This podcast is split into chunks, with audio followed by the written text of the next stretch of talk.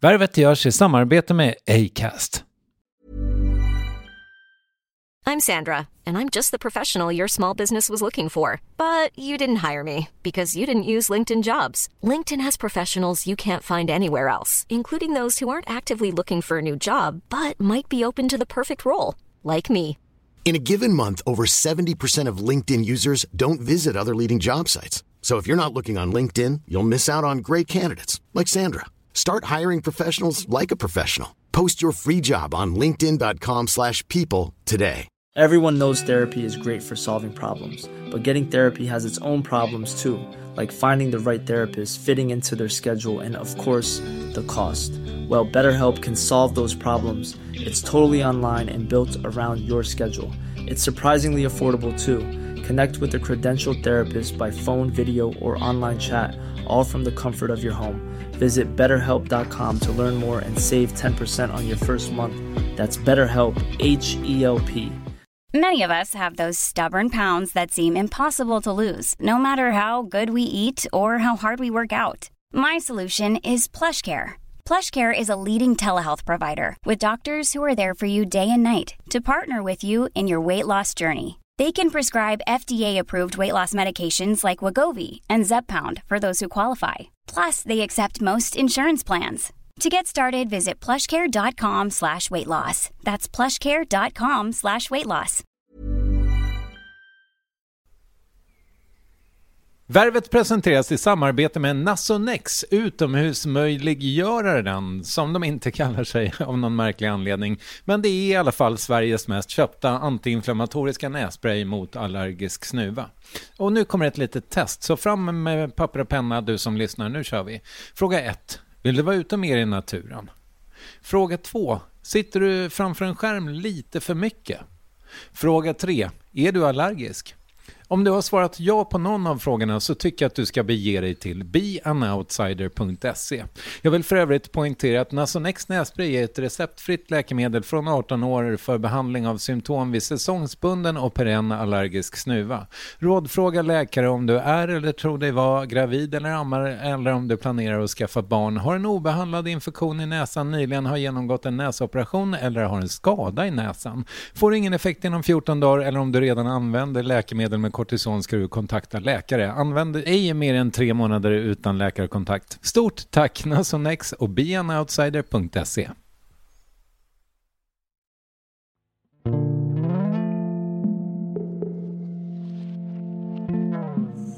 Nej, men är rasist, då tänker jag ju att man har problem med människor som är, då har en viss etnicitet.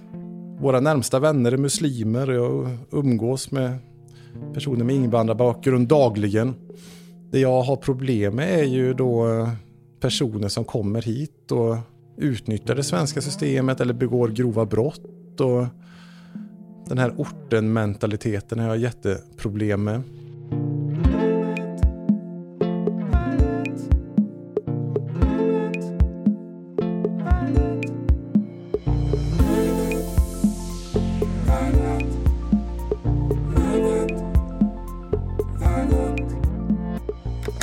Dags att prata klarspråk nu om vad de här kravallerna i Sverige beror på. Det handlar inte om huruvida man gillar en viss politiker från Danmark eller inte.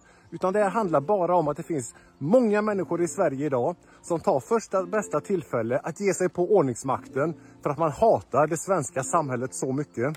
Han har smått ofattbara 280 000 följare på Facebook och på samma plattform finns också gruppen Vi som står upp för Joakim Lamotte med 24 000 medlemmar. Samtidigt hånas Lamotte på andra ställen på internet, hotas till livet, misshandlas eller sägs vara en rasist som går extremhögerns ärenden. Så, är han en rasist som går extremhögerns ärenden? Det ska vi försöka reda ut och vi pratar dessutom om hans nya bok som enligt utsago göms av bokhandlarna. Här är Värvet avsnitt 605 med Joakim Lamotte.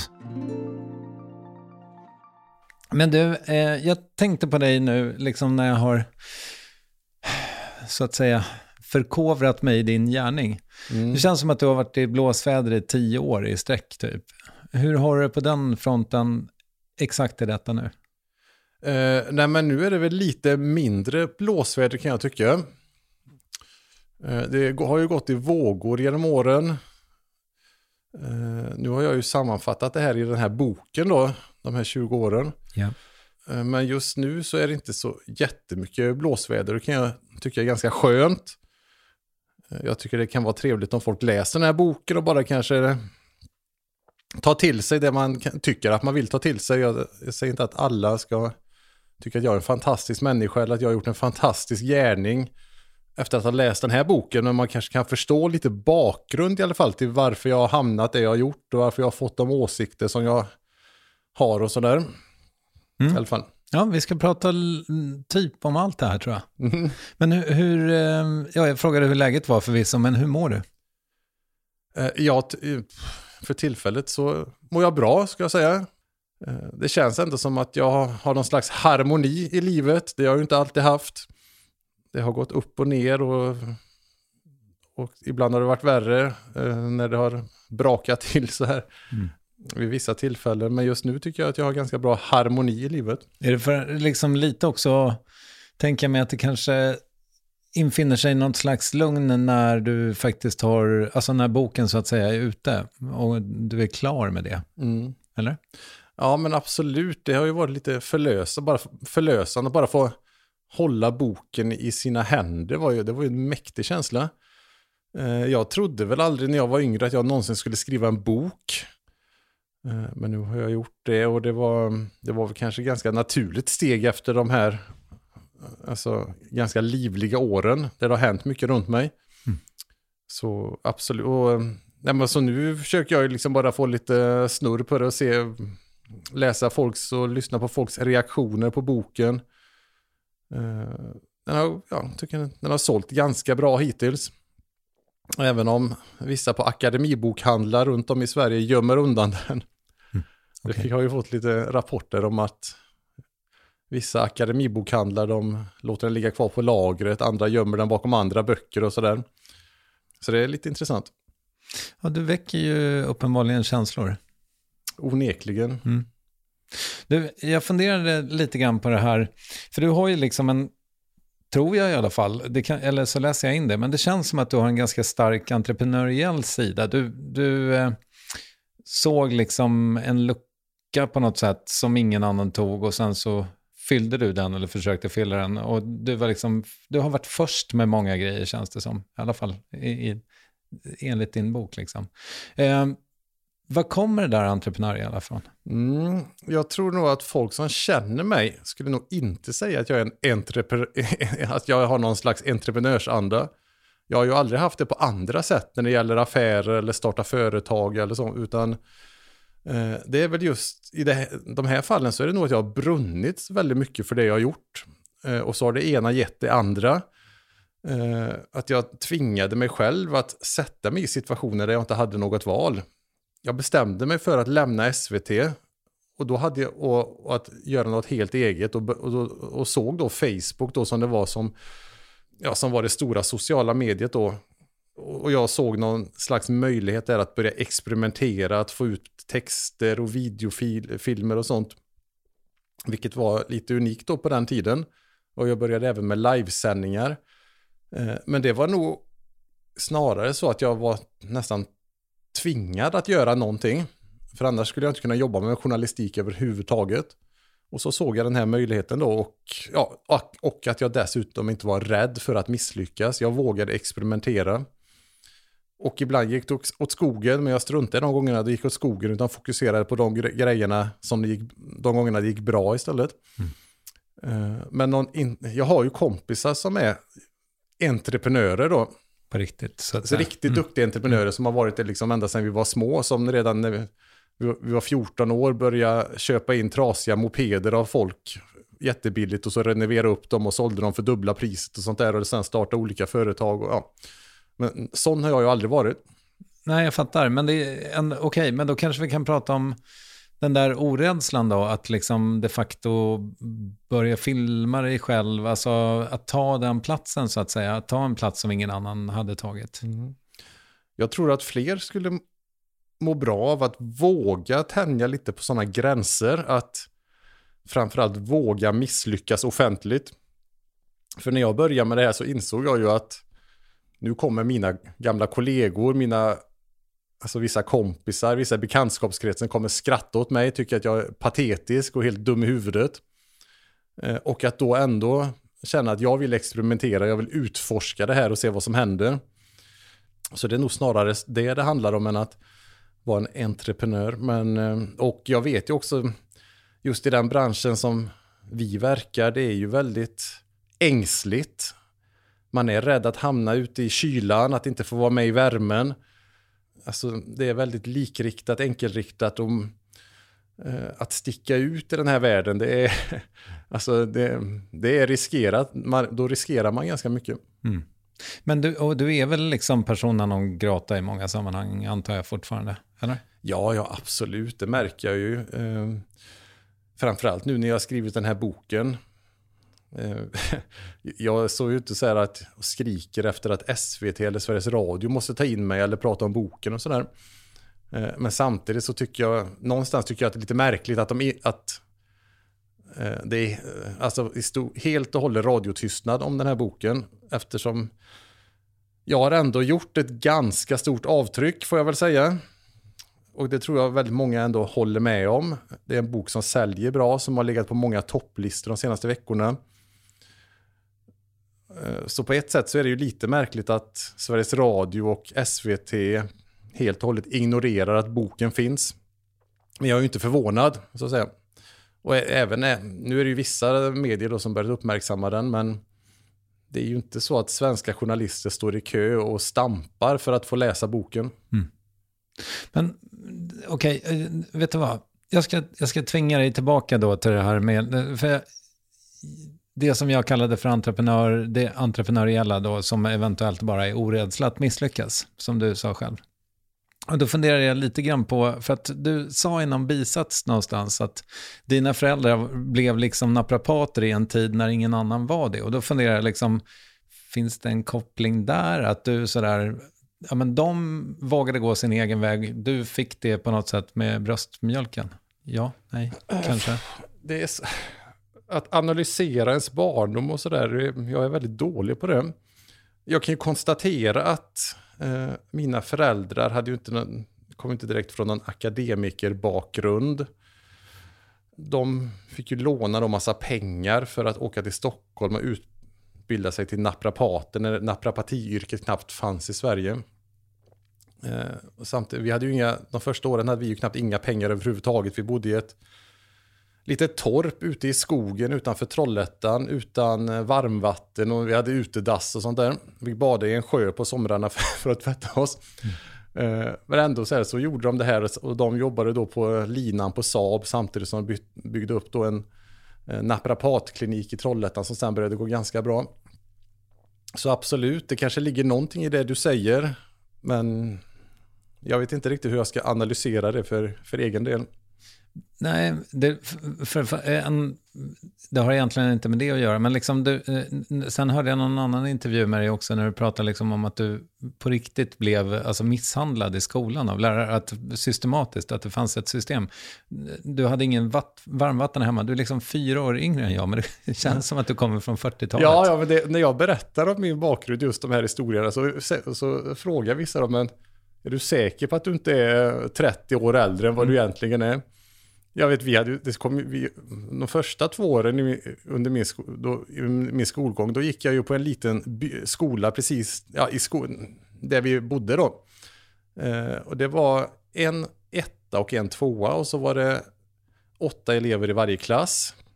Och så var det vi en fröken som hette Ingegärd som stod i folkdräkt då på eh, skolavslutningarna. Så kom det en präst i svart prästkappa och svart hatt och läste ur Bibeln på skol skolavslutningarna. Mm. Och sen när jag började mellanstadiet då fick vi ju då en lärare. Jag var ju... Vi, och då var vi, fick vi rykte om, oss, om att vi var en stökig klass. Så när vi skulle börja mellanstadiet i fyran då så beslutades det att vi skulle få den strängaste läraren på skolan. Då heter han. Eh, och då förklarade han för oss på första lektionen, detta minns jag jätteväl, att, att ja, ja, men jag har en regel här det är att pratar ni på lektionen så får ni en prick på tavlan. Eller om ni missköter det på annat sätt. Eh, och eh, efter två prickar, den tredje gången, så får ni komma fram till katedern och så får ni se vad som händer. Och jag var ju då en av de första som pratade på lektionerna för jag har alltid haft lite svårt att hålla tyst. Så jag fick en prick och sen fick jag två prickar och sen var det så här Lamotte, du kommer få komma fram till katedern. Så han. Och så sa han, du får välja upp eller ner. Och jag förstod inte vad han menade, men då valde jag ner. Då tog han i mitt öra, så drog han ner i, tills jag låg på golvet. Sen lyfte han upp mig i örat igen. Då. Så det var då straffet om man pratade. Då var det örondrag vid katedern som gällde. Och eh, då, jag tror aga förbjöds i Sverige 1978 tror jag. Ditt eh, födelseår för övrigt. Ja, precis. Och detta var ju då när jag började fyran. Men han var ju stenhård den här läraren. Jag minns att en gång så fick jag stå i givakt utanför eh, med öppen dörr. Och så satt han vid katedern så fick jag stå i givakt en hel lektion i korridoren utanför klassrummet. Eh, Och rörde jag mig så skulle jag få dubbla örondrag då. Ett örondrag i varje öra. Oh, wow. Hur, bl- blev han långvarig?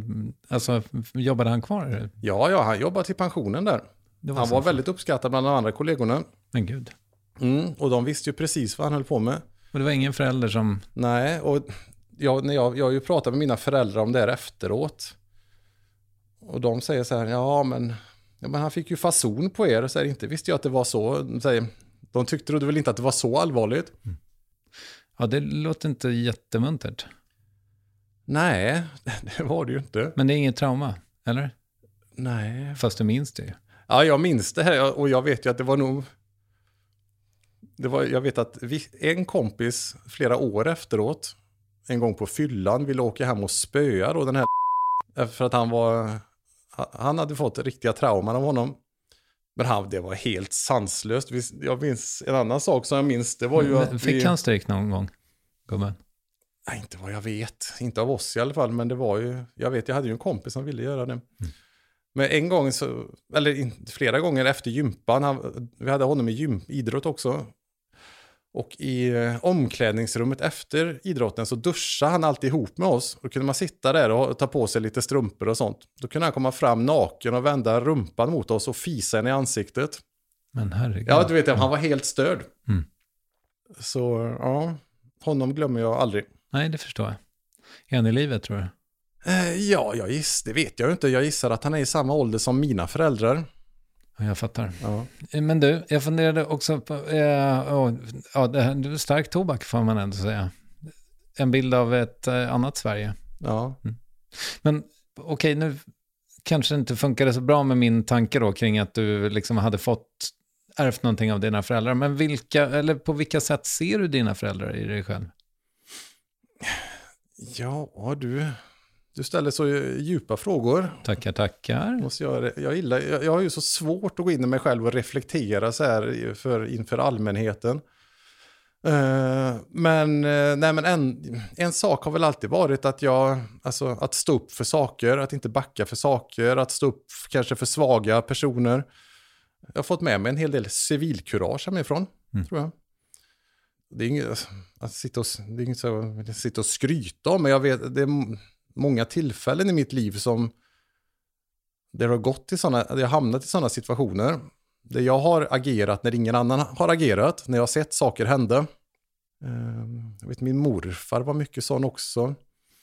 Min mamma berättar mycket om honom, hur han alltid så här, han backade aldrig för någonting. Någon gång hon hade blivit utsatt av någon lärare i skolan så åkte han hem till den här läraren och liksom slängde ut honom i snön eller något sånt där. Du vet, Vad var morfar när du gick i mellanstadiet då? Ja, han, han dog ju när jag var sex år. Jag fattar. Men jag minns ju honom jätteväl, vilket är märkligt eftersom han dog ju så. Han dog när jag var sex år, men ändå känns det som att jag kände honom väldigt, väldigt länge. Vi hade något speciellt band som jag fortfarande kan känna. Så um, sånt tror jag vi behöver mer av generellt. Mm. Att man inte liksom, att man säger ifrån när man inte tycker saker är fel.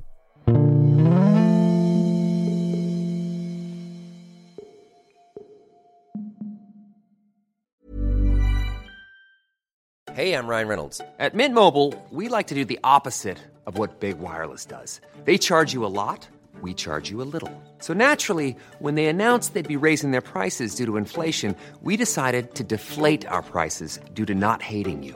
That's right. We're cutting the price of Mint Unlimited from $30 a month to just $15 a month. Give it a try at mintmobile.com slash switch. $45 upfront for three months plus taxes and fees. Promo rate for new customers for limited time. Unlimited more than 40 gigabytes per month. Slows. Full terms at mintmobile.com.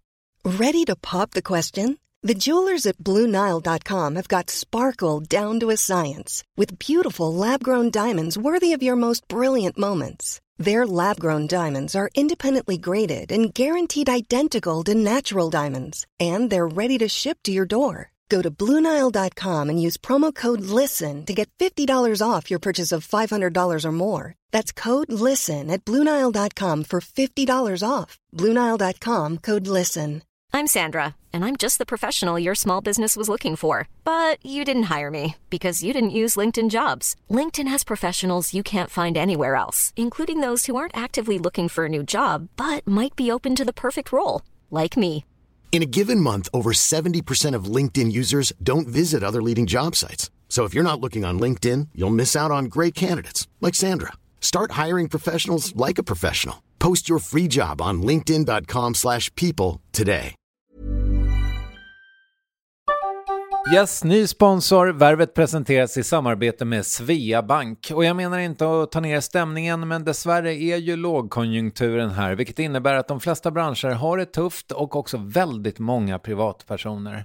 Jag vet själv vad det är att ha en trasslig privatekonomi. Det var struligt i många år för mig och låg ofta post i hallen med trista logotyper i ena hörnet och jag hade också i flera års tid ett helt gäng betalningsanmärkningar. Och tyvärr är det nog många som har det svårt att få ihop till räkningarna just nu, som har hamnat i ekonomiskt trubbel. Och det är här Svea Bank kan kliva in med något som kallas skuldfinansiering. Där löser de skulder hos inkasso och till Kronofogden och till och med om Kronofogden vill sälja ditt boende har Svea Bank möjlighet att hjälpa till. I den här tjänsten får du en personlig handläggare som gör en grundlig genomgång av din ekonomiska situation. De tar kontakt med dina kreditgivare och när ett lån beviljats löser de dina skulder åt dig och samlar dem i ett enda lån med en avbetalningsplan som din ekonomi klarar av. För om du har hamnat i klister, du är inte ensam och kanske kan det här hjälpa dig. På svea.com skuldfinans kan du läsa mer.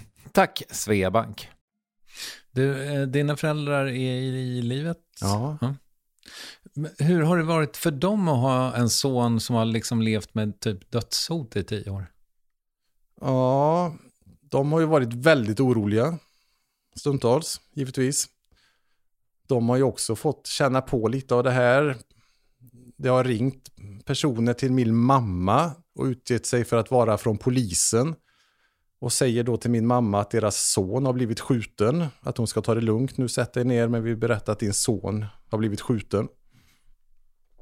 Eh, och det är ju mm, fruktansvärt. Och är man i 70-årsåldern så kanske man inte riktigt förstår vad som är sant och inte sant och hur folk kan luras på det där sättet. Eh, jag hade ju min eh, eh, en begravningsannons gick ut också vid ett tillfälle att jag skulle begravas. Så fick jag liksom ringa runt till familj och släkt och förklara att jag skulle inte alls begravas.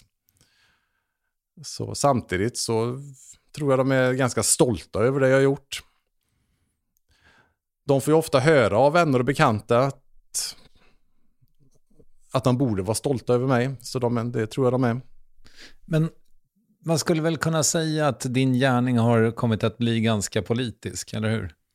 Ja, men den har blivit det. Men samtidigt vill jag ju se mig mer som en samhällsskildrare. Jag, egentligen vill jag ju inte se mig som en politisk kraft, även om jag har förstått att jag är det jag vill ju se mig mer som någon som har skildrat vad som har hänt i Sverige. Att jag har gjort nedslag på olika ställen. Jag har tagit upp vissa fenomen då. I det här pusslet eh, som heter Sverige. Mm. Och, där, och vilken utveckling vi har haft under de senaste åren. Eh, och sen, det blir, visst har det blivit politiskt och det har även använts i politiken det jag har gjort. Eh, samtidigt så eh, är jag ju inte partipolitisk aktiv, har aldrig varit det. Även om jag tar ställning i vissa sakfrågor ibland. Men jag tycker väl egentligen bara det är väl bra om man kan påverka politiken. Och sen tycker väl andra att det inte är bra att jag har påverkat dem, men... Men, men följdfrågan var egentligen, kommer du liksom från ett politiskt hem? Diskuterades det mycket vid köksbordet så att säga? Nej, inte speciellt politiskt. Alltså jag tror jag kommer från ett ganska vanligt svennebananhem ska jag säga. Mm. Däremot har jag minnen av när jag var liten att jag hade en kompis pappa som var väldigt mycket emot Olof Palme. Så det fick man alltid höra när man var hemma hos honom. Okay. Mm. Han, hade till, han hade även en, eh, en bild på Olof Palme som man fick kasta pil på. Gjorde du det? Det minns jag inte, jag minns bara att den satt där mm. i garaget när vi spelade pingis. Så satt det en bild på Olof Palme och så kunde man kasta pil på honom. Mm. Så hans pappa var ju inte då förtjust i Olof Palme, minst sagt. Mm. Hur skulle du säga att liksom din politiska orientering var när du växte upp? Mm. Uh, nej, men i alla fall runt gymnasiet och därefter så skulle jag nog säga att jag var mer vänster än höger. Vad var det du tänkte var nej, viktigt? Men, nej, men då tänkte jag väl mer så här, eh, alltså ett jämlikt samhälle, eh, den ekonomiska politiken, att rika ska betala mycket mer i skatt än fattiga och liksom vi ska ha en sjukvård då som hjälper dem som inte har några medel att betala själva med att man ska känna sig trygg, trygg i Sverige oavsett, även om man då, ja, även om man inte har det så gott ställt.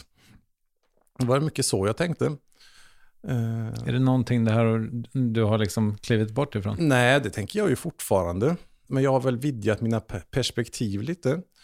Uh, och jag, tänk, jag tror också att när det handlar om, ja, om frågor om asylmottagande och brott och straff, då hade jag en mycket liksom, mjukare syn på det för 20 år sedan än vad jag har idag. Mm.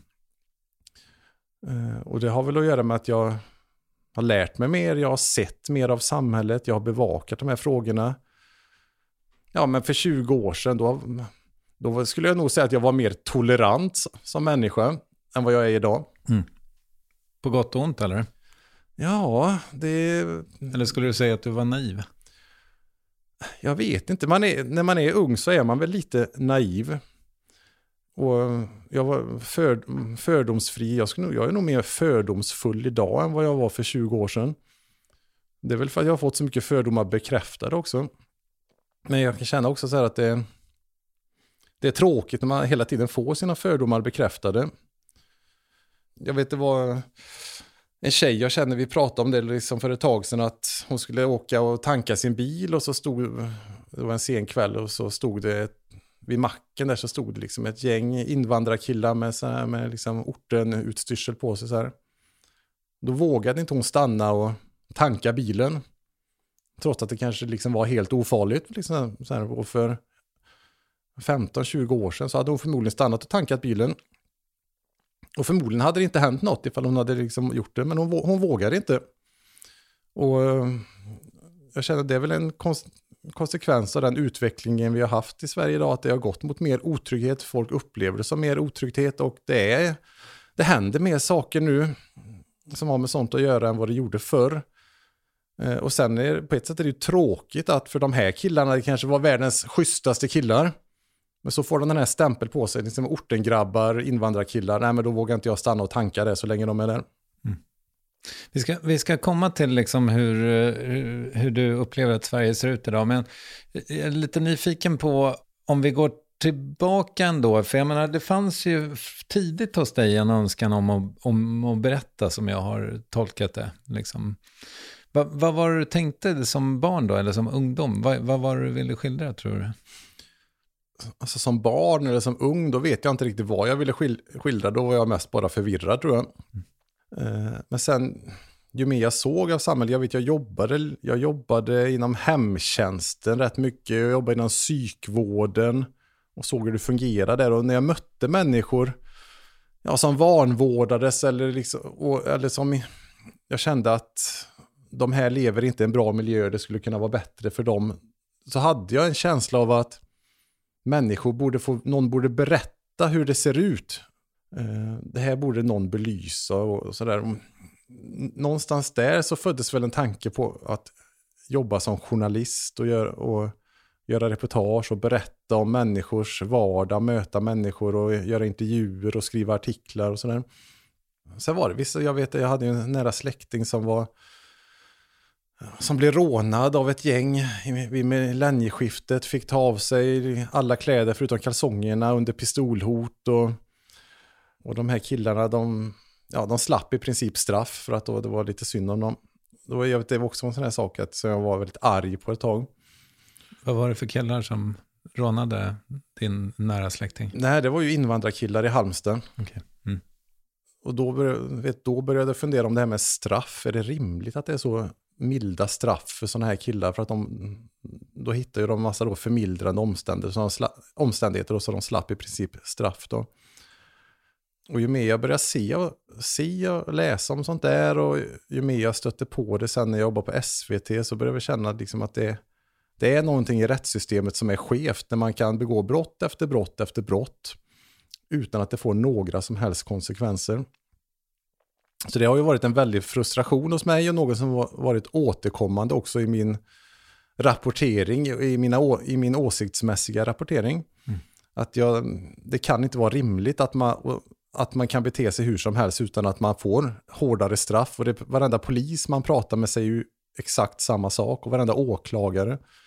Poliser jag pratar med berättar ju hur de plockar in folk varenda dag som begår som beter sig som svin och begår brott. Och så dagen efter så får de plocka in dem för samma brott igen och så bara håller det på så. Så det är ju en sån sak som har varit återkommande i min rapportering. Mm. Det är också en sak som jag har skrivit och debatterat om. Det är ju det här, det fick jag ju lite skit för i början när jag började blogga. Just det med att göra alla människor könsneutrala och vi ska ha könsneutral undervisning i förskolan och sådär. Det är också sådana här ämnen som var som folk blev lite arga över där ett tag. Känner du att pendeln har slagit tillbaka? Nej, jag vet inte. Men eh, jag, jag, ser ju hur det här, vad vi debatterar i samhället, det svänger ju. Det var ju väldigt mycket feminism ett tag och ett tag så var det ju feminister som gillade mig. Och helt plötsligt var det inte det. Det var ju när jag skrev saker som då till exempel att jag tycker vi ska ta det lugnt med att jag försöka göra barnen könsneutrala och sådär. Och vi kanske ska prata om hederskultur och mer. Då, då var jag inte så populär bland feminister längre. Mm. Men du, efter lumpen någonstans så hamnar du med en idé om ett eh, projekt liksom och SVT och det här. Ja, nej, men jag pluggade ju till journalist på Journalisthögskolan. Eh, och så gjorde jag praktik på Utbildningsradion i Stockholm. Där jag fick prova att göra lite reportage och sen så då får jag en idé om att göra ett längre granskande reportage som handlar om att unga ungdomar köpte väldigt mycket farliga droger på nätet. Eh, så ehm, som var, det var så svårt att dosera dem. Mm.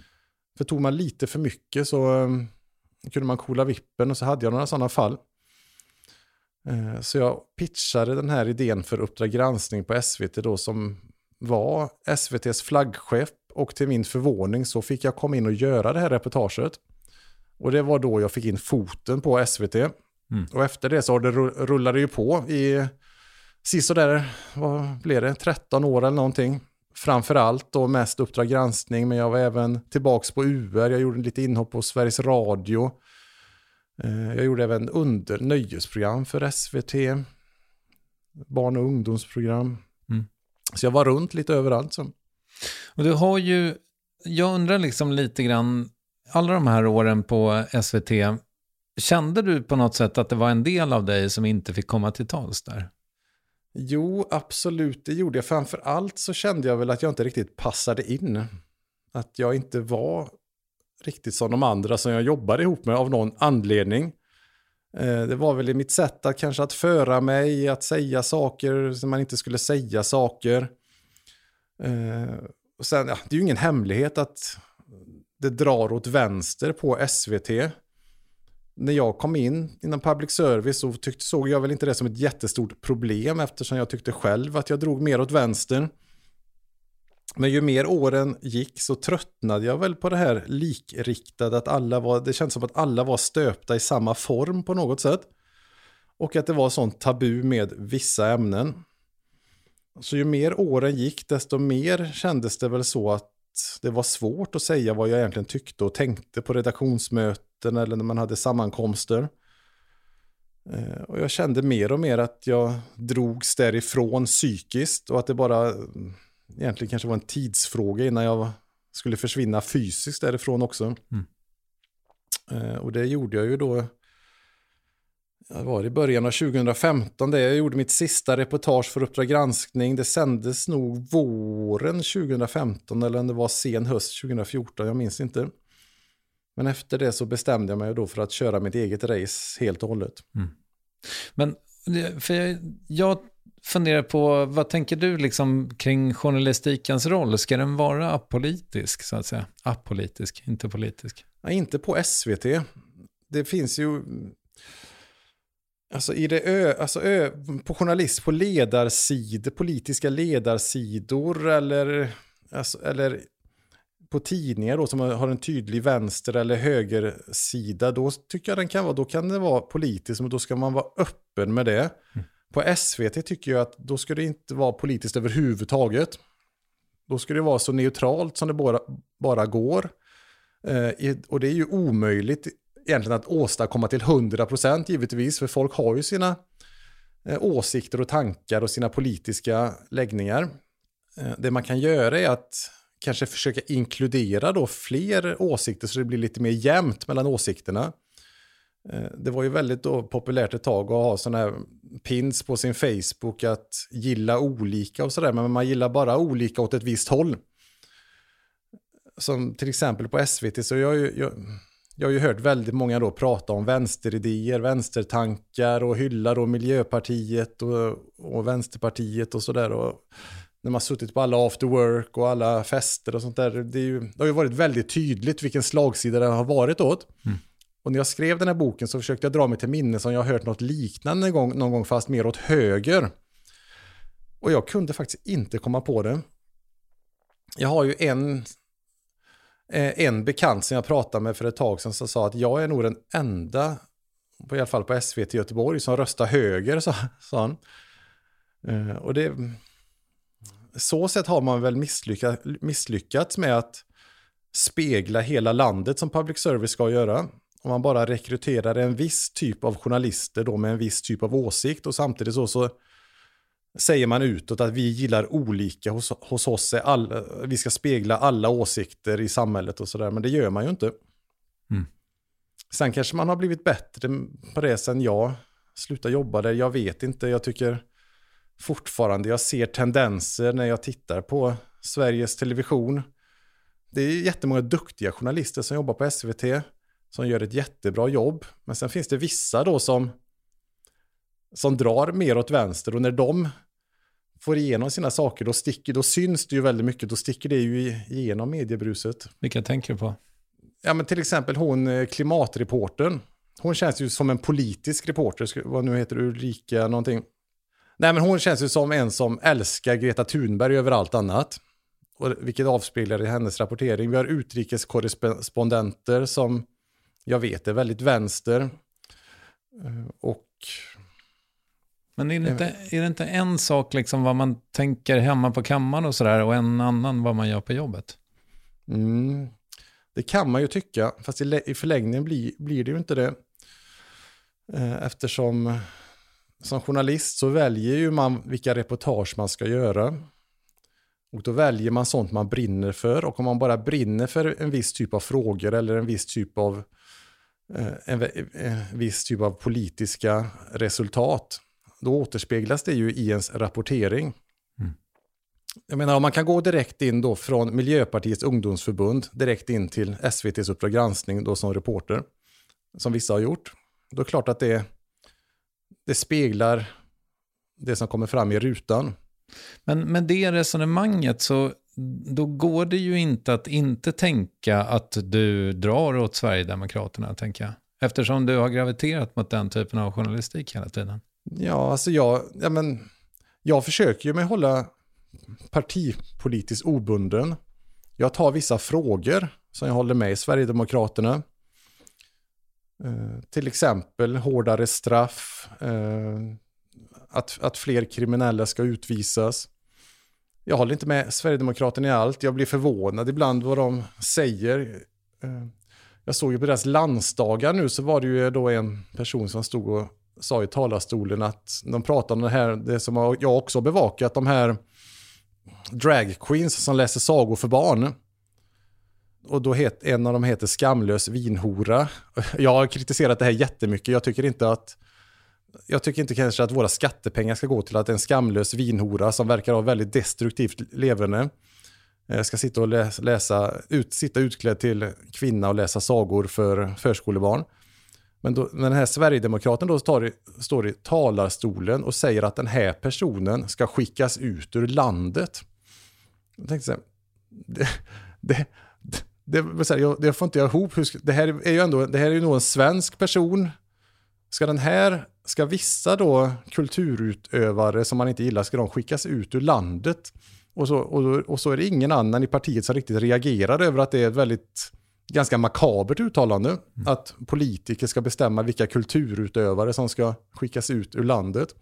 Även om jag själv är jättekritisk mot den här företeelsen att våra skattepengar ska gå till den här verksamheten så tycker jag inte så här, man kan ju inte bara stå och säga att de här kulturutövaren ska skickas ut ur landet och står han och säger på deras men vad är det som, om vi bara snabb, förlåt, jag har inte riktigt hängt med varken i den debatten eller vad du tycker kring den, men är det det faktum att dragqueens läser sagor eller är det det att dragqueenen heter Shameless Winehorse som är problemet?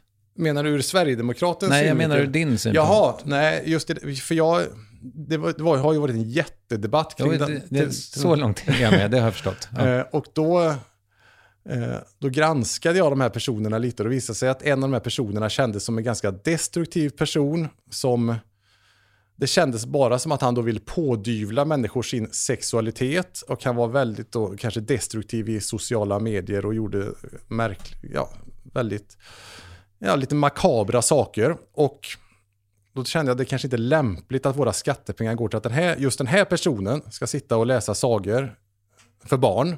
Okay. För jag vet ju liksom hur känslig debatten är. Jag skulle ju aldrig få bjudas in och läsa sagor för barn för att jag är en sån kontroversiell person.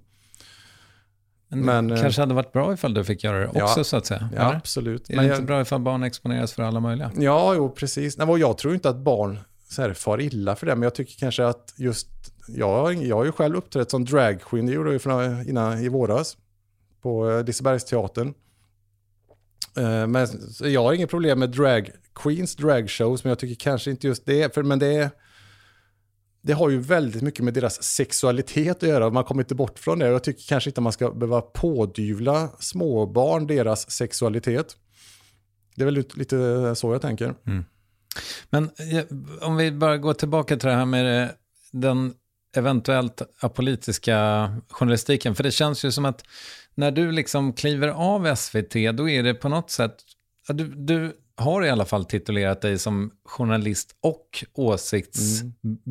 Vad säger du? Åsiktsbildare? Åsikts, opinionsbildare. opinionsbildare. Nej, men jag, och jag, för, och, ja, nej, men jag är ju tydlig med det också. att Jag har åsikter. Jag låter mina åsikter återspegla mycket av det jag gör. Jag försöker vara transparent med det. Mm. Till exempel så har jag gjort flera reportage där dömda sexförbrytare får stanna kvar i Sverige och slipper utvisning. Då är jag ju väldigt tydlig med att jag tycker det är en helt orimlig hållning att de ska få vara kvar i Sverige om de kommit hit och bott här några år, inte anpassat sig till det svenska samhället och, be, och ja, begår sexualbrott till exempel. Då tycker jag det är helt orimligt att man låter dem vara kvar. Att, att det är något fel i rättsväsendet när åklagare inte ens yrkar på det. Eh, och så finns det vissa sådana ja, såna sakfrågor där jag tar tydlig ställning och då är jag ju ganska öppen med det. Mm. Eh, det kan jag tycka är mer ärligt kanske än att gå och säga att man inte har några politiska mål alls med sin rapportering, vilket många på SVT och Sveriges Radio säger utåt, samtidigt som jag vet att de har väldigt mycket politiska mål inåt. Jo, men sa de inte det utåt och verkade det inte så utåt så hade de ju fått sparken antar jag. Ja, det är inte säkert. Jag vet ju många som har varit engagerade i vänsterfrågor som inte har fått sparken. Okay. Mm. Mm. Vad, vad, är en vänsterfråga? Ja, vad fasen är en vänsterfråga? Det är en bra fråga. Uh, jag skulle nog säga det är mer, som jag tänker på, det är kulturvänstern. Jag tänker, jag, det så, de frågorna som jag tänker på under de här åren, det har varit saker om uh, som gällt så här, antirasistfrågor och att hata SD. jag har ju haft kollegor som varit med i kampanjer för att hata SD, uteslut SD och stoppa Jimmy Åkesson. Eh, helt öppet. Okay. Och, ändå fått kom, och ändå kommit undan med det. Mm. Eh, och jag vet en sån som Alexandra Pascalido som är väldigt tydlig med sina åsikter som ändå återkommande har då fått göra dokumentärserier och programlett saker på SVT. Mm. Kakan Hermansson som säger att hyllade morden i Alexander och ändå då liksom får uppdrag på Sveriges Radio. Det, det, det finns ganska många sådana exempel. Eh, nu är ju de inte här och kan försvara sig, etc.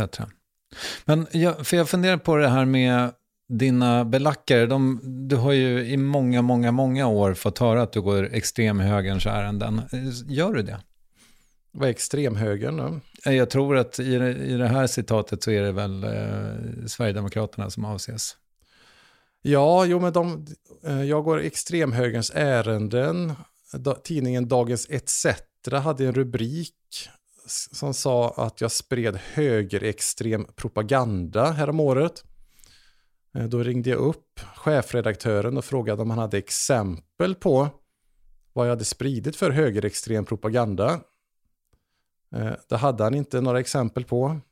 Då föreslog jag att de skulle ta bort den här texten. Eh, den ligger fortfarande kvar. Eh, nej, men det, jag har väl tagit i sådana frågor som kanske har gynnat Sverigedemokraterna och andra då personer och politiker som står för de sakerna. Jag har ju visat upp ja, vissa saker som har med mångkultur att göra. Eh, brott och straff. Eh, konsekvenser av en hög migration till Sverige. Det är klart att det har väl gynnat de som har den politiska agendan. Mm. Är du rasist? Varför frågar du det?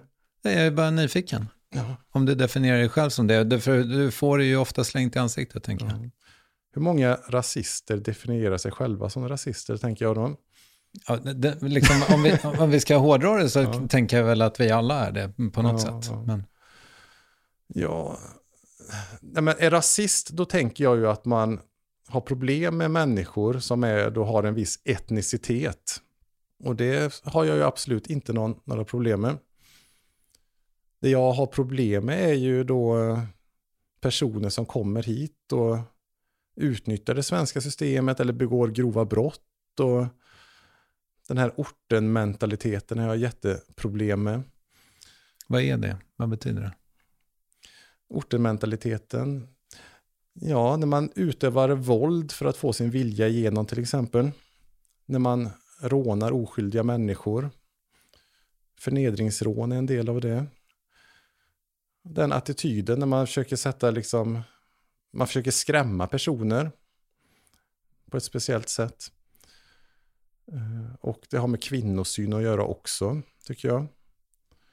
Eh, jag har fått uppleva och höra vid ett flertal killar, eh, tillfällen jag har hängt med de här, alltså hängt med så kallade ortenkillar, att ja, deras, att deras syn på svenska tjejer är inte så upplyftande till exempel. Och det är ganska provocerande när man har egna döttrar. Nej, men så vissa saker har jag problem med. Jag har aldrig haft problem med någon person på grund av den personens hudfärg eller den personens bakgrund. Uh, absolut inte. Våra närmsta vänner är muslimer. Jag umgås med personer med invandrarbakgrund dagligen. Mm. Ja, för det jag framförallt är väl arg på det är väl hur politikerna har misskött den här frågan. Att man, att man har känt till problemen men struntat i det.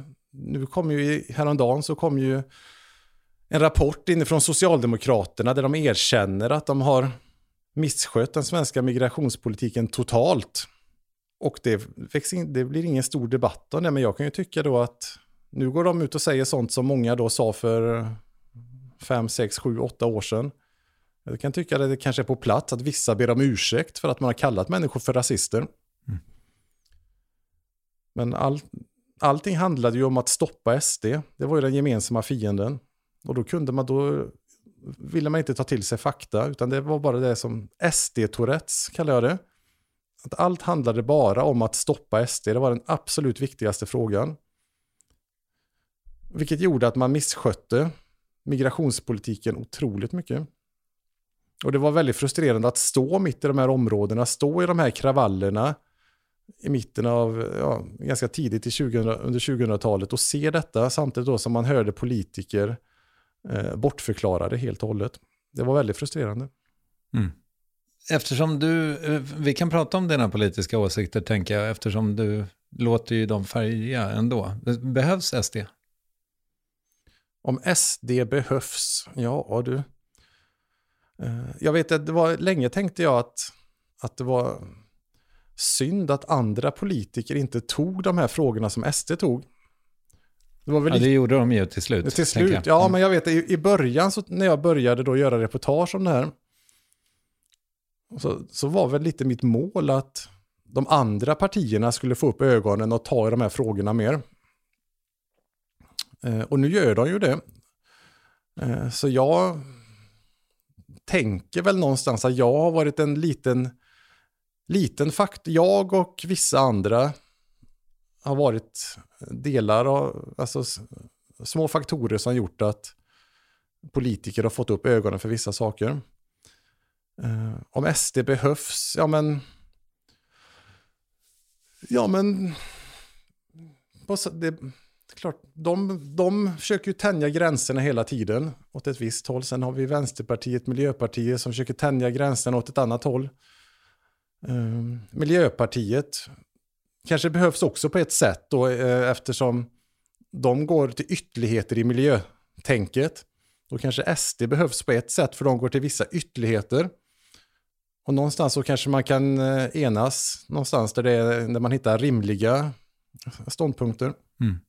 Men liksom, nyfiken för, när vi pratade för en liten stund sedan så var det liksom att om jag hade träffat dig när du var 19, 20, 21 så får jag ändå bilden av att du hade definierat dig själv som vänster, vilket du ju vidimerade alldeles nyss. Men nu känns det ju som att du är absolut inte vänster. Vad, vad hände? Jag ställdes mitt i verkligheten. Eh, jag ställdes, jag ställdes i brinnande förorter. Jag mötte kriminella ortengrabbar. Eh, jag såg, jag såg hur rättsväsendet svek brottsoffer. Jag såg hur tjejer blev gruppvåldtagna. Jag, gjorde, alltså jag träffade tjejer som var utsatta för hederskultur.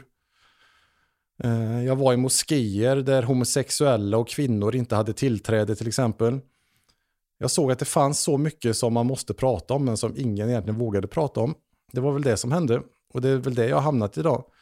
Eh, sen, jag, sen vet inte, jag, alltså jag definierar mig inte som varken höger eller vänster. Om man tänker så här, vänster är ju så, så, mycket mer än bara de här frågorna egentligen. Om man pratar ekonomiskt politiskt så skulle inte jag definiera mig som höger. Men jag är väl höger då eh, när det gäller traditionella frågor på brott och straff till exempel, eller invandringspolitiken.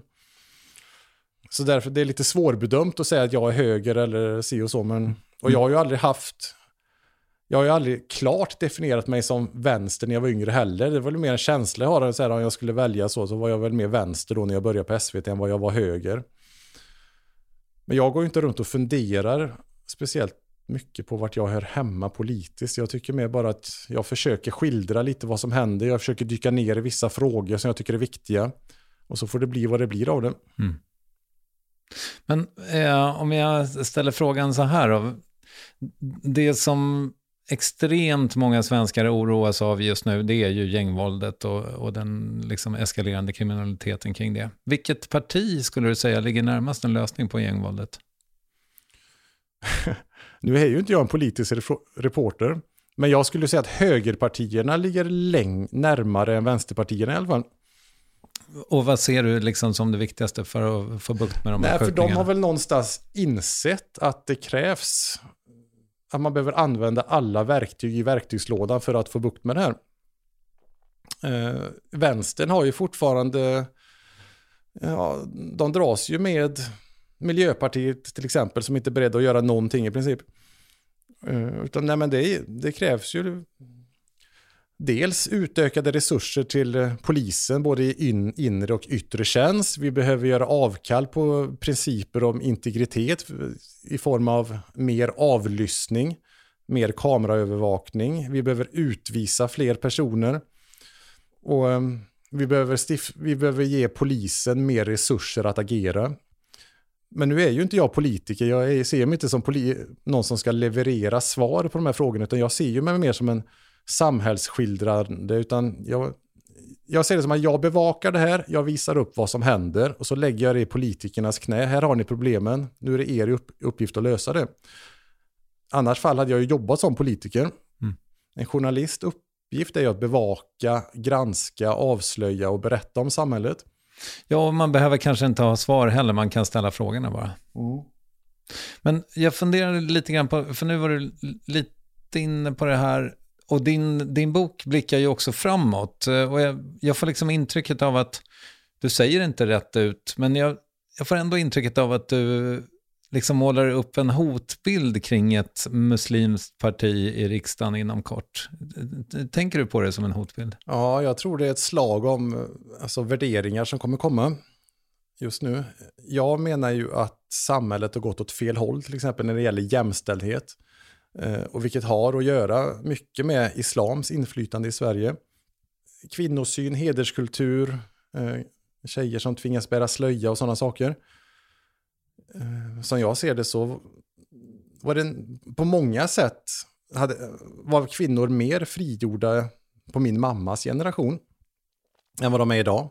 Även om vissa saker har gått framåt givetvis. Det är lika, man fördelar arbetet i hemmet mer, det, Eh, det är bättre jämställt på arbetsmarknaden och sånt. Men ur vissa värderingsfrågor så är vi på tillbakagång och det är jag jätteoroad för. Eh, och jag ser också vad som bubblar under ytan i våra förorter när det kommer till islam och muslimer. Det är väldigt många muslimer som, som har en misstro mot svenska myndigheter, svenska institutioner och svenska samhället i stort som inte känner sig som en del av Sverige. De bor i Sverige, de är svenskar på pappret, men de känner sig absolut inte som svenskar. Eh, det är ett otroligt utanförskap och den frustrationen som gror i våra förorter, den tror jag kommer ta, jag tror vi bara sett krusningar på ytan där, utan jag tror att den dagen det kommer en karismatisk muslimsk ledare, så tror jag vi kommer få se eh, detta blomma ut ännu mer. Och jag tror vi kommer få se ett muslimskt parti i Sveriges riksdag framöver. Mm. Men, och då är min följdfråga, liksom, är det inte rimligt att runt 10% av befolkningen representeras politiskt också? Då? Jo, absolut, absolut, det är ju helt rimligt. Men det är inte Eh, det du tänker på? Men, men, ja, nej, men, och då måste ju man också kunna ha åsikter om det är bra, om det är, om de här värde, värderingsfrågorna då som jag pratar om. Jag har ju inte mycket till övers för religion i allmänhet, men jag anser ju att kristendomen har kommit längre i vissa frågor. Man är ett modernare religion än vad islam är. Eh, och jag är orolig, vi pratar om eh, liksom jämställdhet och liksom för kvinnor och män. Vi pratar om hbtq-frågor. Samtidigt som går man ut i våra förorter idag, du vet, det går inte att prata om sådana frågor. Prata om homosexualitet, det ses ju nästan som en sjukdom skulle jag säga. Och just det här med kvinnans roll. Att, man inte får, att kvinnor inte får vara imamer, de får inte vistas i vissa platser i moskéer. Det är, som, det är som, såna, mycket sådana värderingsfrågor som jag tycker att som jag ser problem med och som jag är orolig för. Vad säger dina bästa vänner, de mus, det muslimska paret som ni umgås med? Jag tänker att det måste väl finnas hur många liberala muslimer som helst. Ja, jo, absolut, absolut. Framförallt de, de som vi umgås med, som är muslimer, de är ju liksom som vem som helst. Utan jag tänker ju på dem som den stora, en stor, det är en stor del som inte anpassar sig till det svenska samhället. Som lever totalt utanför det svenska samhället och som lever med de här värderingarna. Och de, de skulle jag nog säga är fler än vad de flesta tror. Eh, Och sen är det ju jättebra att människor integrerar sig och blir en del av Sverige och tar till sig nya idéer och värderingar. Mm. Men jag tror att de med gamla unkna värderingar skulle jag säga, som bor i våra svenska förorter idag, är fler än vad de flesta tror. Okej. I majoritet skulle du säga? Eller? Jag kan inte räkna på så, men det jag har mött när jag har varit ute under alla de här åren, Mm. eh, så ska jag nog säga att de är nog i majoritet i våra förorter i alla fall. Mm. Även om det, är liksom, det är trevligt med, tre, jag pratar med trevliga, hyggliga människor. Men kommer man närmar man sig de här frågorna, så pratar man homosexualitet till exempel, det är liksom bara totalstopp, det är som att gå in i en vägg. Men du... Jag, du, jag kan ja. berätta en sak då. Jag jobbade på, jag har jobbat med flera ungdomsprogram på SVT, så var det ett ungdomsprogram jag jobbade med så hade vi två muslimska killar i, var det, mellan högstadieåldern tror jag. Och så eh, hade vi olika teman för varje program och så, så tänkte jag jag ville ta just det här med ja, HBT eller homosexualitet och sådär. Det var intressant att göra med de här två killarna, för de kom ju från en värld där man inte pratade om det, det var totalt förbjudet, det var, homosexualitet var en sjukdom. Eh, och då gjorde jag så här att jag har en kille som är en av Sveriges du duktigaste kampsportare, en killkompis som jag känner. Eh, jag lät de här muslimska killarna träffa honom och köra ett stenhårt kampsportspass och de tyckte att han var megahäftig, en av de coolaste människor de har träffat. Och så i slutet så säger han, det är en sak jag måste berätta för er, säger han. Jag är homosexuell. Och så fick de här killarna panik då. Eh, och så, med, så fick de sitta och resonera med honom, de pratade jättelänge och vi filmade vad de tyckte och tänkte och så här efteråt. Och så sändes det programmet och så slutade jag med det och sen gick det många, många, många år. Och sen i våras så träffade jag en av de här killarna, Ali, på krogen i Göteborg. Och vi har inte setts då sen, det var jättelänge sen. Och så, ja, vi kramade om varandra och tyckte fan vad kul att så här, ses och så så frågade han lite, började han prata om den här tiden när vi jobbade ihop och så tog han upp just det.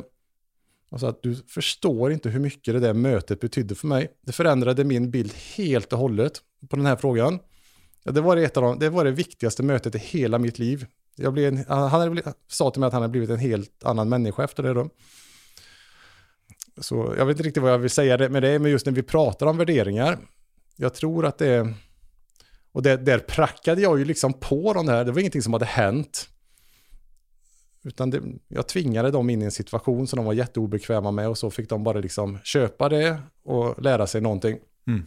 Men det, nu är du på någonting som jag är nyfiken på med dig. Hur, liksom, nu har ju du förvisso precis suttit och skrivit då 240 sidor, eh, 34, eh, om din gärning. Men jag skulle ändå, om jag ber dig summera den, vad, vad, vad tänker du kring den? Vad har du uppnått? Vad har du, vad har du uträttat? Jag har, be, jag har berättat min bild av Sverige under de här 20 åren. Jag säger inte att det är allas bild, jag säger inte att alla behöver ta till sig den. Eh, men jag säger att det är en liten del i det här pusslet av eh, samhällsutvecklingen under de senaste två decennierna. Det är väl det jag känner att jag har uträttat. Även om man tycker att kanske att vissa saker inte stämmer så bra eller vissa saker är konstiga och jag har fel tankar. Eh, men när jag skrev den här boken så ville jag verkligen skilja, alltså något slags, göra ett tidsdokument över de här 20 åren. Och det tycker jag väl att jag lyckas med på något sätt i alla fall. Mm. Du, du pratade tidigare om att du trodde att dina föräldrar var stolta över dig. Är du stolt över det du har gjort? Jag vet inte. Jag, jag, nej, jag, tänker inte. jag tänker inte på det på det sättet att jag går runt och är stolt över mig själv.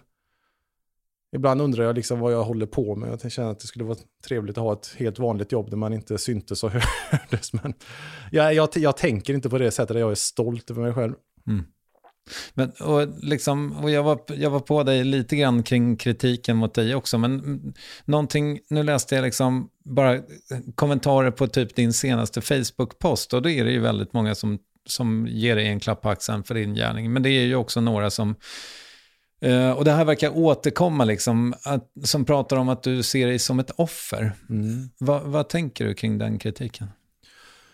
Ja, jag vet inte. Ett offer då, det är väl att jag ibland har berättat om de här hoten och vad jag har råkat ut för. Nej, men, och det är ju för att jag har berättat om, jag har inte berättat om allt, men jag har berättat om ganska många av de här hoten och terror, hur min familj har terroriserats då på olika finurliga sätt. Eh, och då tycker jag vissa att jag sätter en offerstämpel på mig då. Eh, ibland har jag känt så här att det- var ju ett tag som det var så populärt att journalister satte sig och pratade in i en kamera och läste upp sina hot och sånt. jag vet inte om du kommer ihåg det, men det var, det var ganska populärt ett tag i olika program att man satte, för att gö- göra visa upp de här hoten då, som kunde komma mot framförallt kvinnliga journalister, så fick de sitta och titta in i kameran och läsa upp hot de hade fått.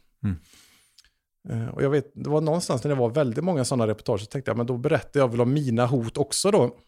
Det är väl inte med mig, för jag kommer ju aldrig bjudas in till SVT och få läsa upp mina hot, men jag tänker det kan väl vara bra för folk att känna till att det inte bara är de här som råkar ut för detta. Så det var väl där någonstans jag började med då att berätta om hoten som kom in. Tidigare hade jag hållit tyst om det. Och jag märkte också att när jag la ut så här vad folk hade skickat, och så, så kunde det avskräcka vissa när de såg att det kom ut i ljuset, att de inte... Att då kunde vissa sluta, för de tyckte det blev lite jobbigt att det kom ut. Så. Men absolut, sen har jag ju inte berättat om allt, men det är ju vissa då som tycker att jag utmålar mig själv som ett offer. Och Men, men det, och det, finns, det har väl också att göra med just den här frustrationen.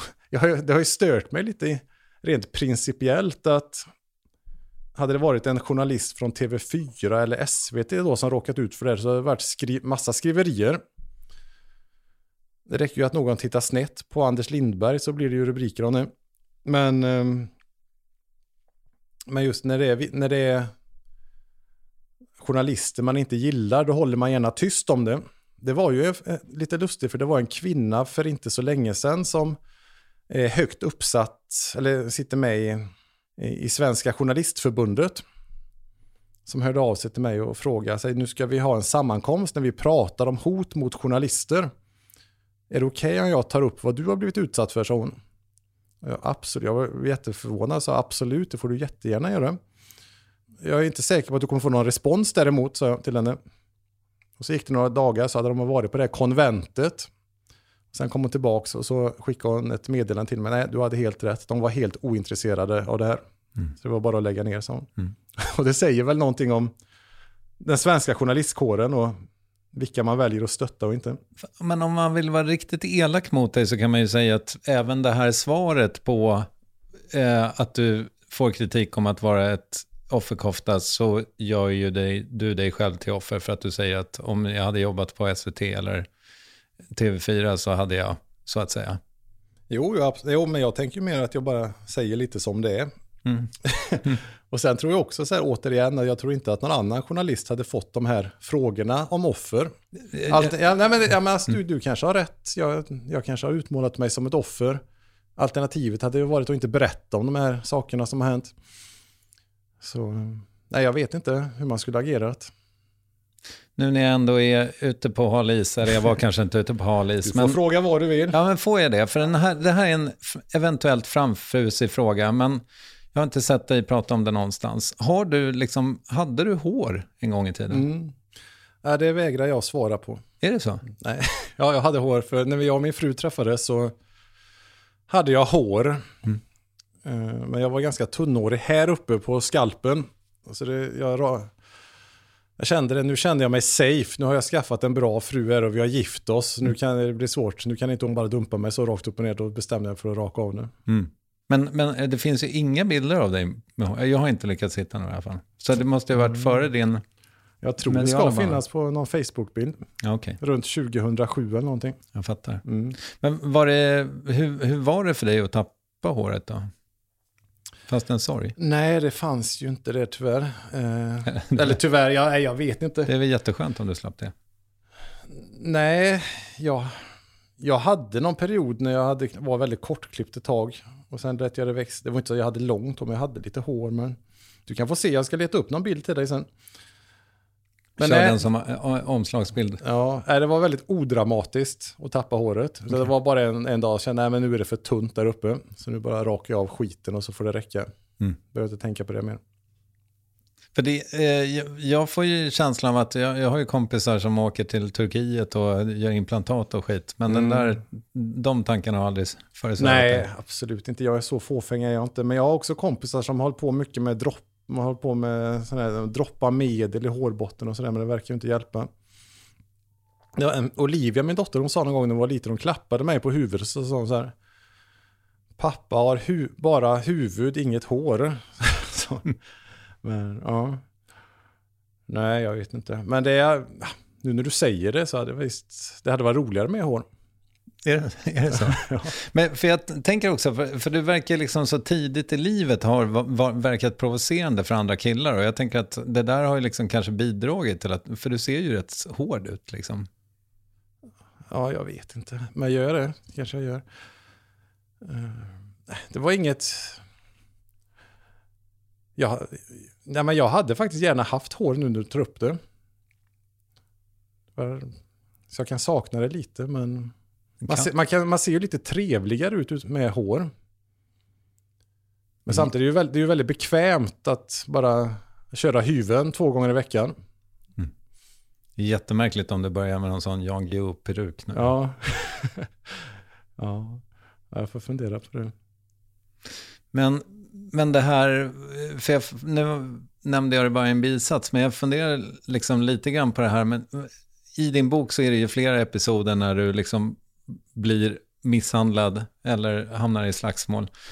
Vad gör det med dig, tänker du?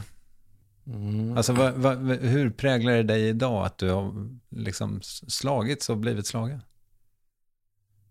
Inte så mycket. Jag vet en gång då när jag råkade ut för, när jag blev påhoppad, så eh, just efter den händelsen, då var jag ju väldigt försiktig med att röra mig i offentliga miljöer ett tag. För jag tyckte det var så jobbigt. Jag ville inte, inte för att jag var rädd för att få stryk, utan mer för att jag inte ville hamna i den situationen. För det var så, jag ville inte vara i de där situationerna. Sen har jag ju hållit på med mycket kampsport i mitt liv, så jag är ju ganska van vid att få stryk. Jag har ju fått mer stryk på mattan än vad någon skulle nästan kunna ge mig ute på stan, känns som. Men de gånger det har hänt i vuxen ålder nu när folk har varit på mig så är den stora rädslan var att någon har filmat det och lagt ut, eller så här, eller att det skulle komma fram, att det skulle komma ut på sociala medier att jag får en smäll på käften i Uddevalla till exempel. Varför skulle det vara så jobbigt? Nej, jag vet inte. För att det är Nu, förnedrande? nu, nu, skulle det, nu skulle det nog inte vara så jobbigt. Men just då kände jag att det skulle vara, att då kändes det väldigt förnedrande. Jag kände, det känns som att jag är en person som kan ta för mig själv. Jag ska, jag ska inte bli nedslagen på stan. Jag har tränat så mycket kampsport eh, och sådär. Så ingen ska kunna... Ja. Och vi kampsportare har ju lite i oss. Det är därför många är kampsportare. För man har någon slags sån manlighet och man vill kunna fightas, man vill kunna ta för sig och så åker man på stryk. Mm. Då känns ju inte det bra inombords. Även om det inte är så jättefarligt fysiskt, för det åter, återhämtar man ju sig ifrån. Men just det där liksom den här förnedringen. Det, är väl det då jag har känt varit jobbigt. Och det är väl det det handlar om att jag har känt att jag vill inte att, hoppas nu vid gud att ingen har filmat det här när jag åkte, fick, åkte på stryk. Men en dag som idag när du liksom tar dig från Göteborg och hit, du är inte rädd? Oftast inte. Jag är på min vakt stundtals kan jag säga. När jag går inne i Göteborg och jag har, jag har ju en sån här axelremsväska. Den tar jag aldrig över huvudet till exempel. För då vet jag att någon, om någon kommer fram och, och det händer en situation, då kommer de kunna dra omkull mig med den. Sen har jag bara över en axel till exempel. Och det är ju konstigt att, jag behöver ens, att jag går runt och tänker sådana tankar. Eh, och jag undviker att gå med hörlurar med hög musik för hör jag kanske inte om det händer något sånt där. Så det är ju sådana små detaljer. Eh, Men jag skulle inte säga att jag går runt och mår dåligt över det, det bara att jag är vaksam. Jag har väl mer varit orolig att någonting ska hända min familj och sådär. Men, Har du lugnat, men det, det har lugnat ner sig? Ja, det skulle jag säga. Nu när jag har skrivit den här boken så har det varit ganska lugnt för att ha hållit mig i skymundan.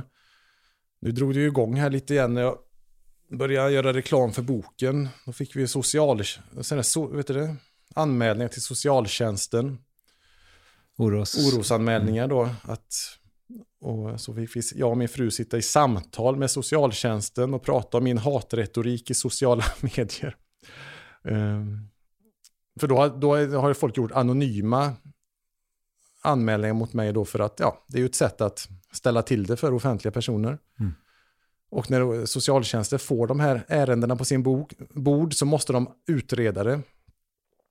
Och då får man sitta där och prata med dem. Och det kan jag också tycka är lite förnedrande, även om jag för, tycker att det är ett bra system. Eh, men jag tycker det är synd om det missbrukas. Men jag, ja, så det är ju lite knepigt. Jag fattar. Men jag funderar på, finns det gärningar, jobb som du ångrar att du har gjort? Inte så här med facit i hand nu då, men eh, kanske just när jag var mitt uppe i det kanske jag ångrade. Till exempel då när jag var i Husby och skrev det här jätteuppmärksammade blogginlägget om Aftonbladet och Expressen. Och jag lät inte dem komma till tal, så jag förstod inte liksom vart det här, att det skulle bli så stort. Eh, då kände jag att jag bor, att då ångrar jag att jag inte hade ringt upp Aftonbladet Expressen och fått några citat från dem. Kring att de köpte bilder Ja. av kriminella? Mm. Precis. Och, eh, så det, men så här i efterhand så ser jag det mer som en lärdom. Mm. Men just då kände jag väl att vad fan gjorde jag inte det för? Du blev dömd för förtal tidigare år. Är det någonting du ångrar där? Nej, jag, det borde jag kanske göra, men det gör jag inte.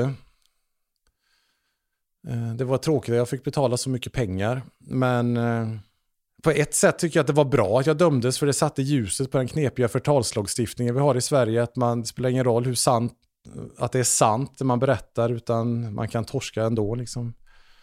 Eh, jag tycker att man borde hitta en ny praxis för vad, man, alltså, vad som är relevant att skriva om och inte. Men det, är ju en, det, kan vi också gå in på, det är en jättelång historia, men mitt korta svar är att jag inte ångrar det. Summariskt, vad tror du om Sveriges framtid? Ja, du. jag tror vi kommer ha några år framöver oss när det är politisk kaos. Jag tror det kommer bli ännu mer politisk kaos i nästa val. Eh, jag tror att eh, sossarna och de kommer gå framåt väldigt bra. Jag tror SD kommer gå fram väldigt bra. Och jag tror det kommer skapa ett otroligt kaos så jag inte riktigt vet hur de ska lösa. Eh, samtidigt tycker jag att det är bra att vissa saker har kommit upp på bordet nu som inte gick att prata om för 5-10 år sedan. Eh, Det är positivt, men det är otroligt stora utmaningar och jag tror att just det som vi pratade om tidigare, just vilka värderingar vi ska ha i samhället, det tror jag kommer bli det absolut viktigaste framöver att prata om. För din egen del då, hur ser framtiden ut? Ja, jag är lite så här osäker på, jag vill ju komma tillbaks i journalistiken och jobba, jag vet inte riktigt hur. Eh, Jag när ju en liten dröm om att få i ett längre format berätta om eh, 90-talet i Sverige, hur det var, alltså eh, och, och växa upp då. Om antingen bok eller dokumentär, men just det här jag minns ju tydligt hur det var. Det var, gick ju en våg av rasism och främlingsfientlighet i Sverige under 90-talet. Hur gammal är du? Jag är född 74. Ja. Jag vet när jag gick på högstadiet och det var, det var liksom bomberjackor, det var kängor, det var vit maktmusik i korridorerna.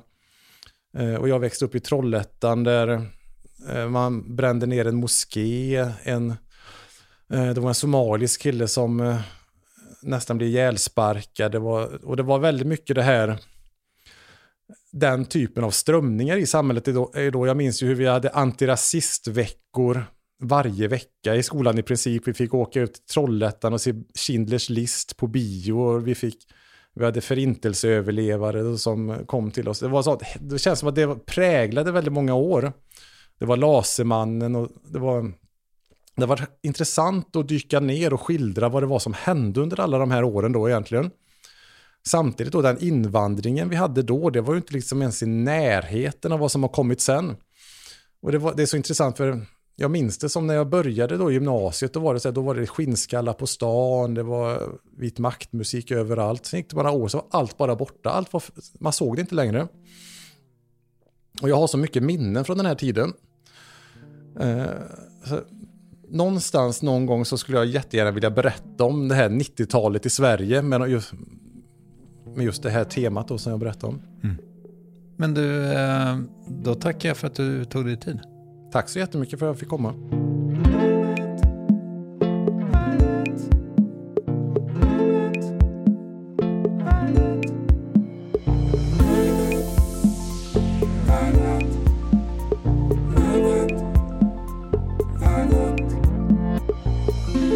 Ja, Joakim Lamotte, blir du nyfiken på hans bok heter den Där stormen är en swishhoras betraktelser.